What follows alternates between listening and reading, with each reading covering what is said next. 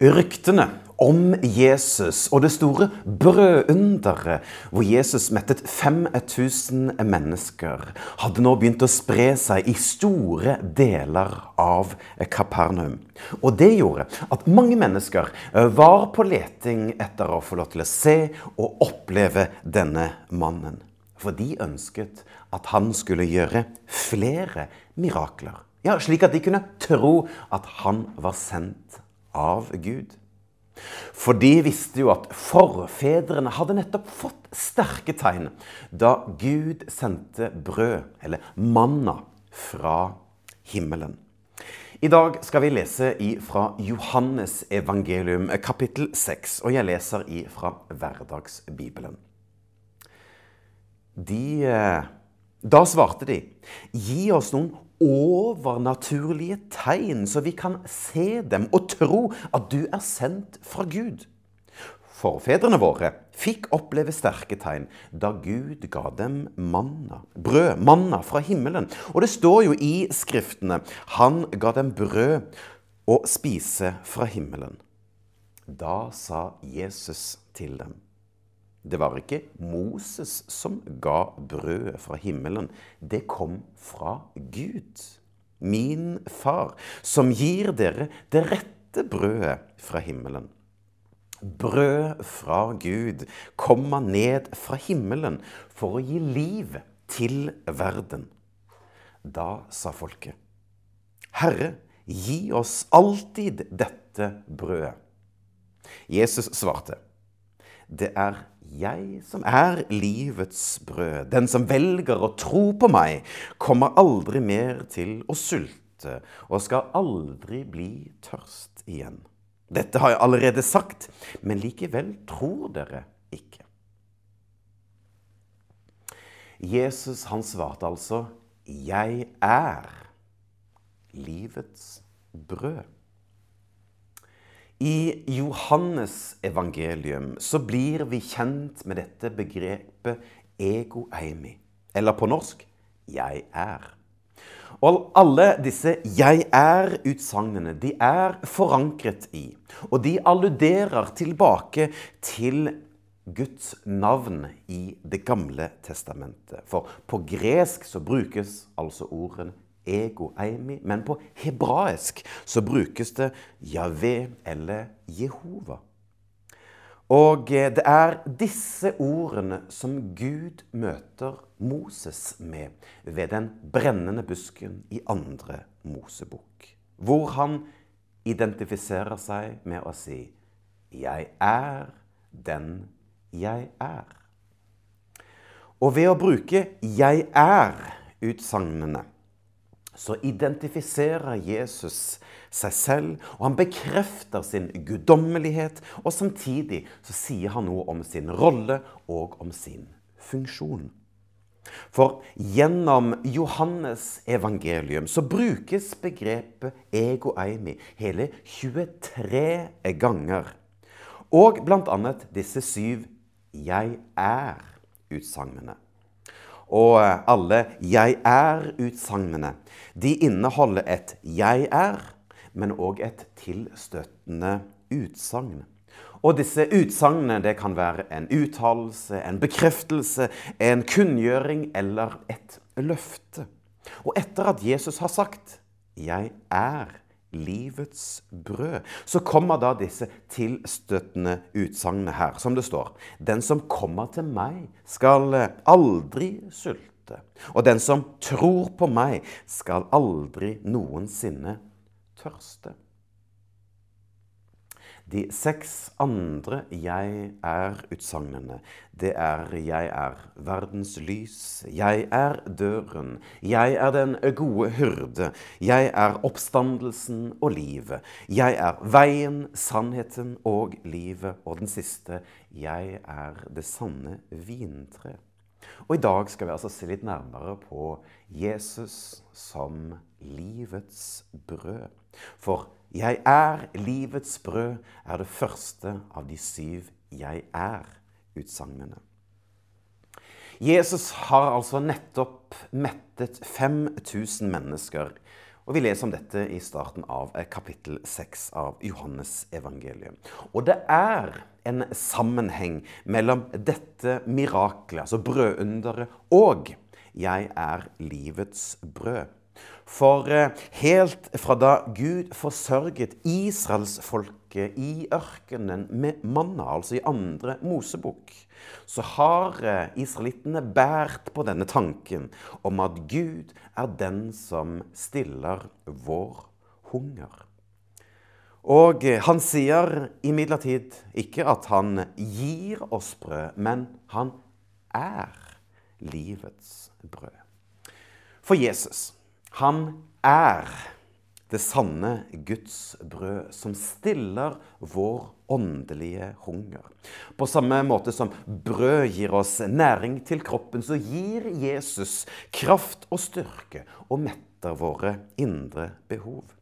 Å spise av det brød som han gir, ja, det er å tro på ham som Guds sønn og den eneste veien til frelse.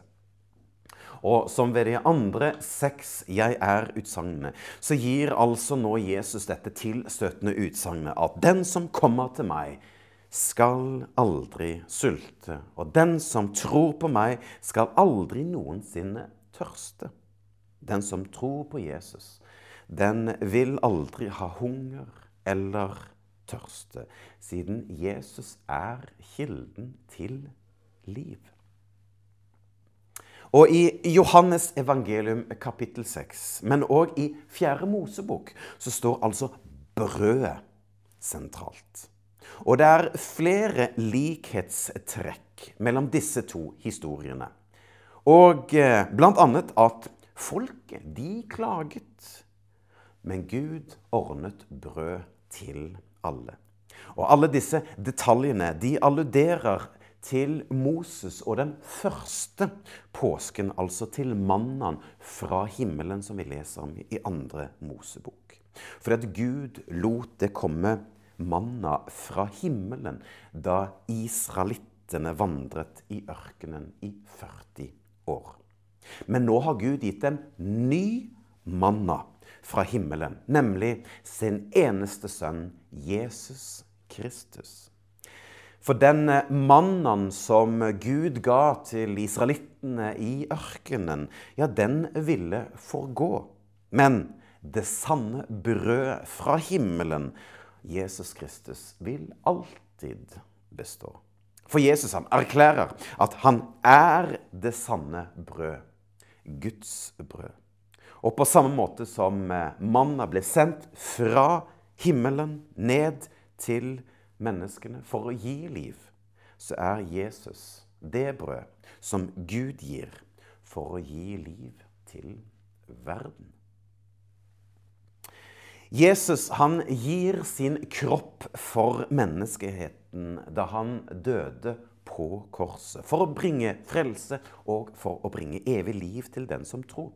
Å spise dette brødet er billedlig det å tro på ham som Herre og frelser, og ønsker han velkommen inn i sitt liv.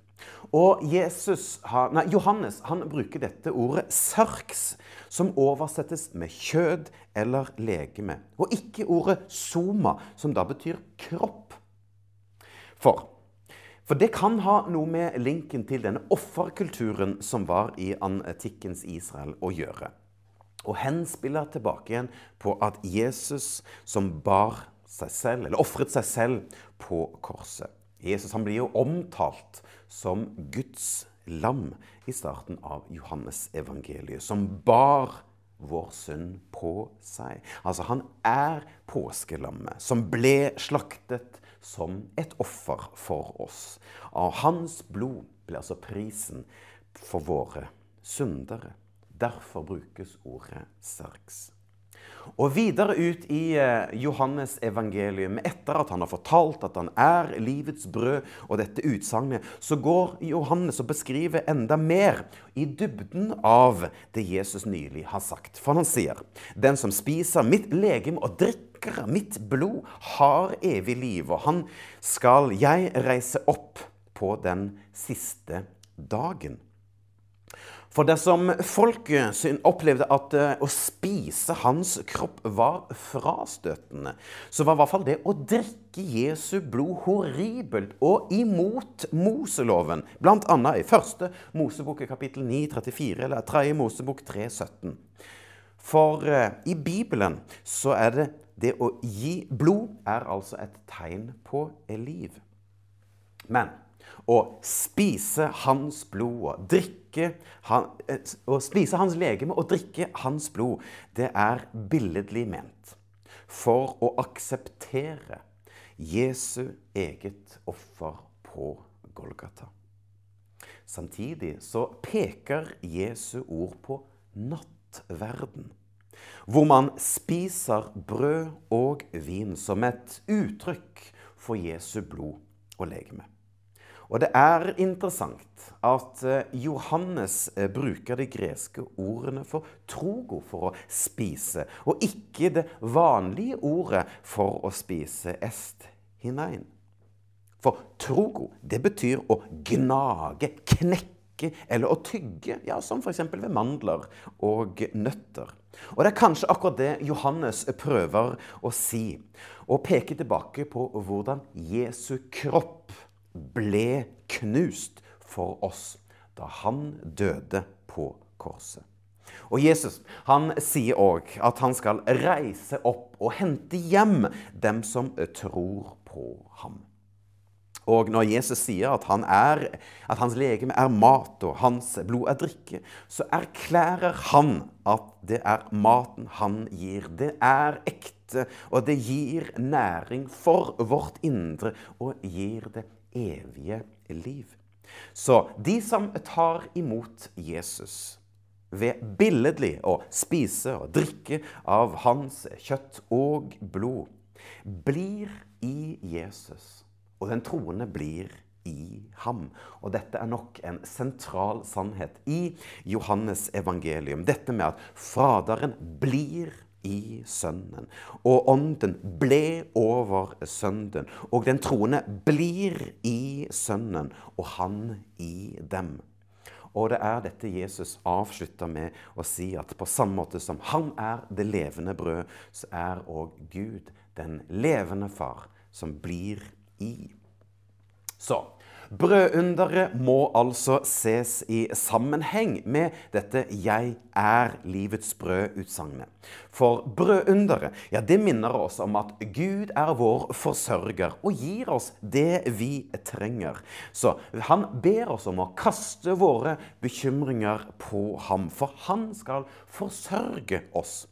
Og på samme måte som det ble tolv kurver igjen etter dette brødunderet, så lover altså Gud at vi skal få mer enn det vi trenger. Ja, det står bl.a. i eh, Salme 630, nei, Matteus 6,33.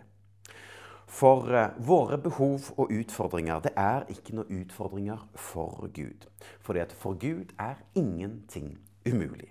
For han er skaperen av himmel og jord, og er den allmektige, allvitende og allestedsnærværende. Så la meg lande her og si at Jesus, han er livets brød. Og han stiller vår åndelige hunger. Han gir oss frelse, han gir oss det evige liv, og han gir oss det vi trenger for å leve etter hans vilje. Amen.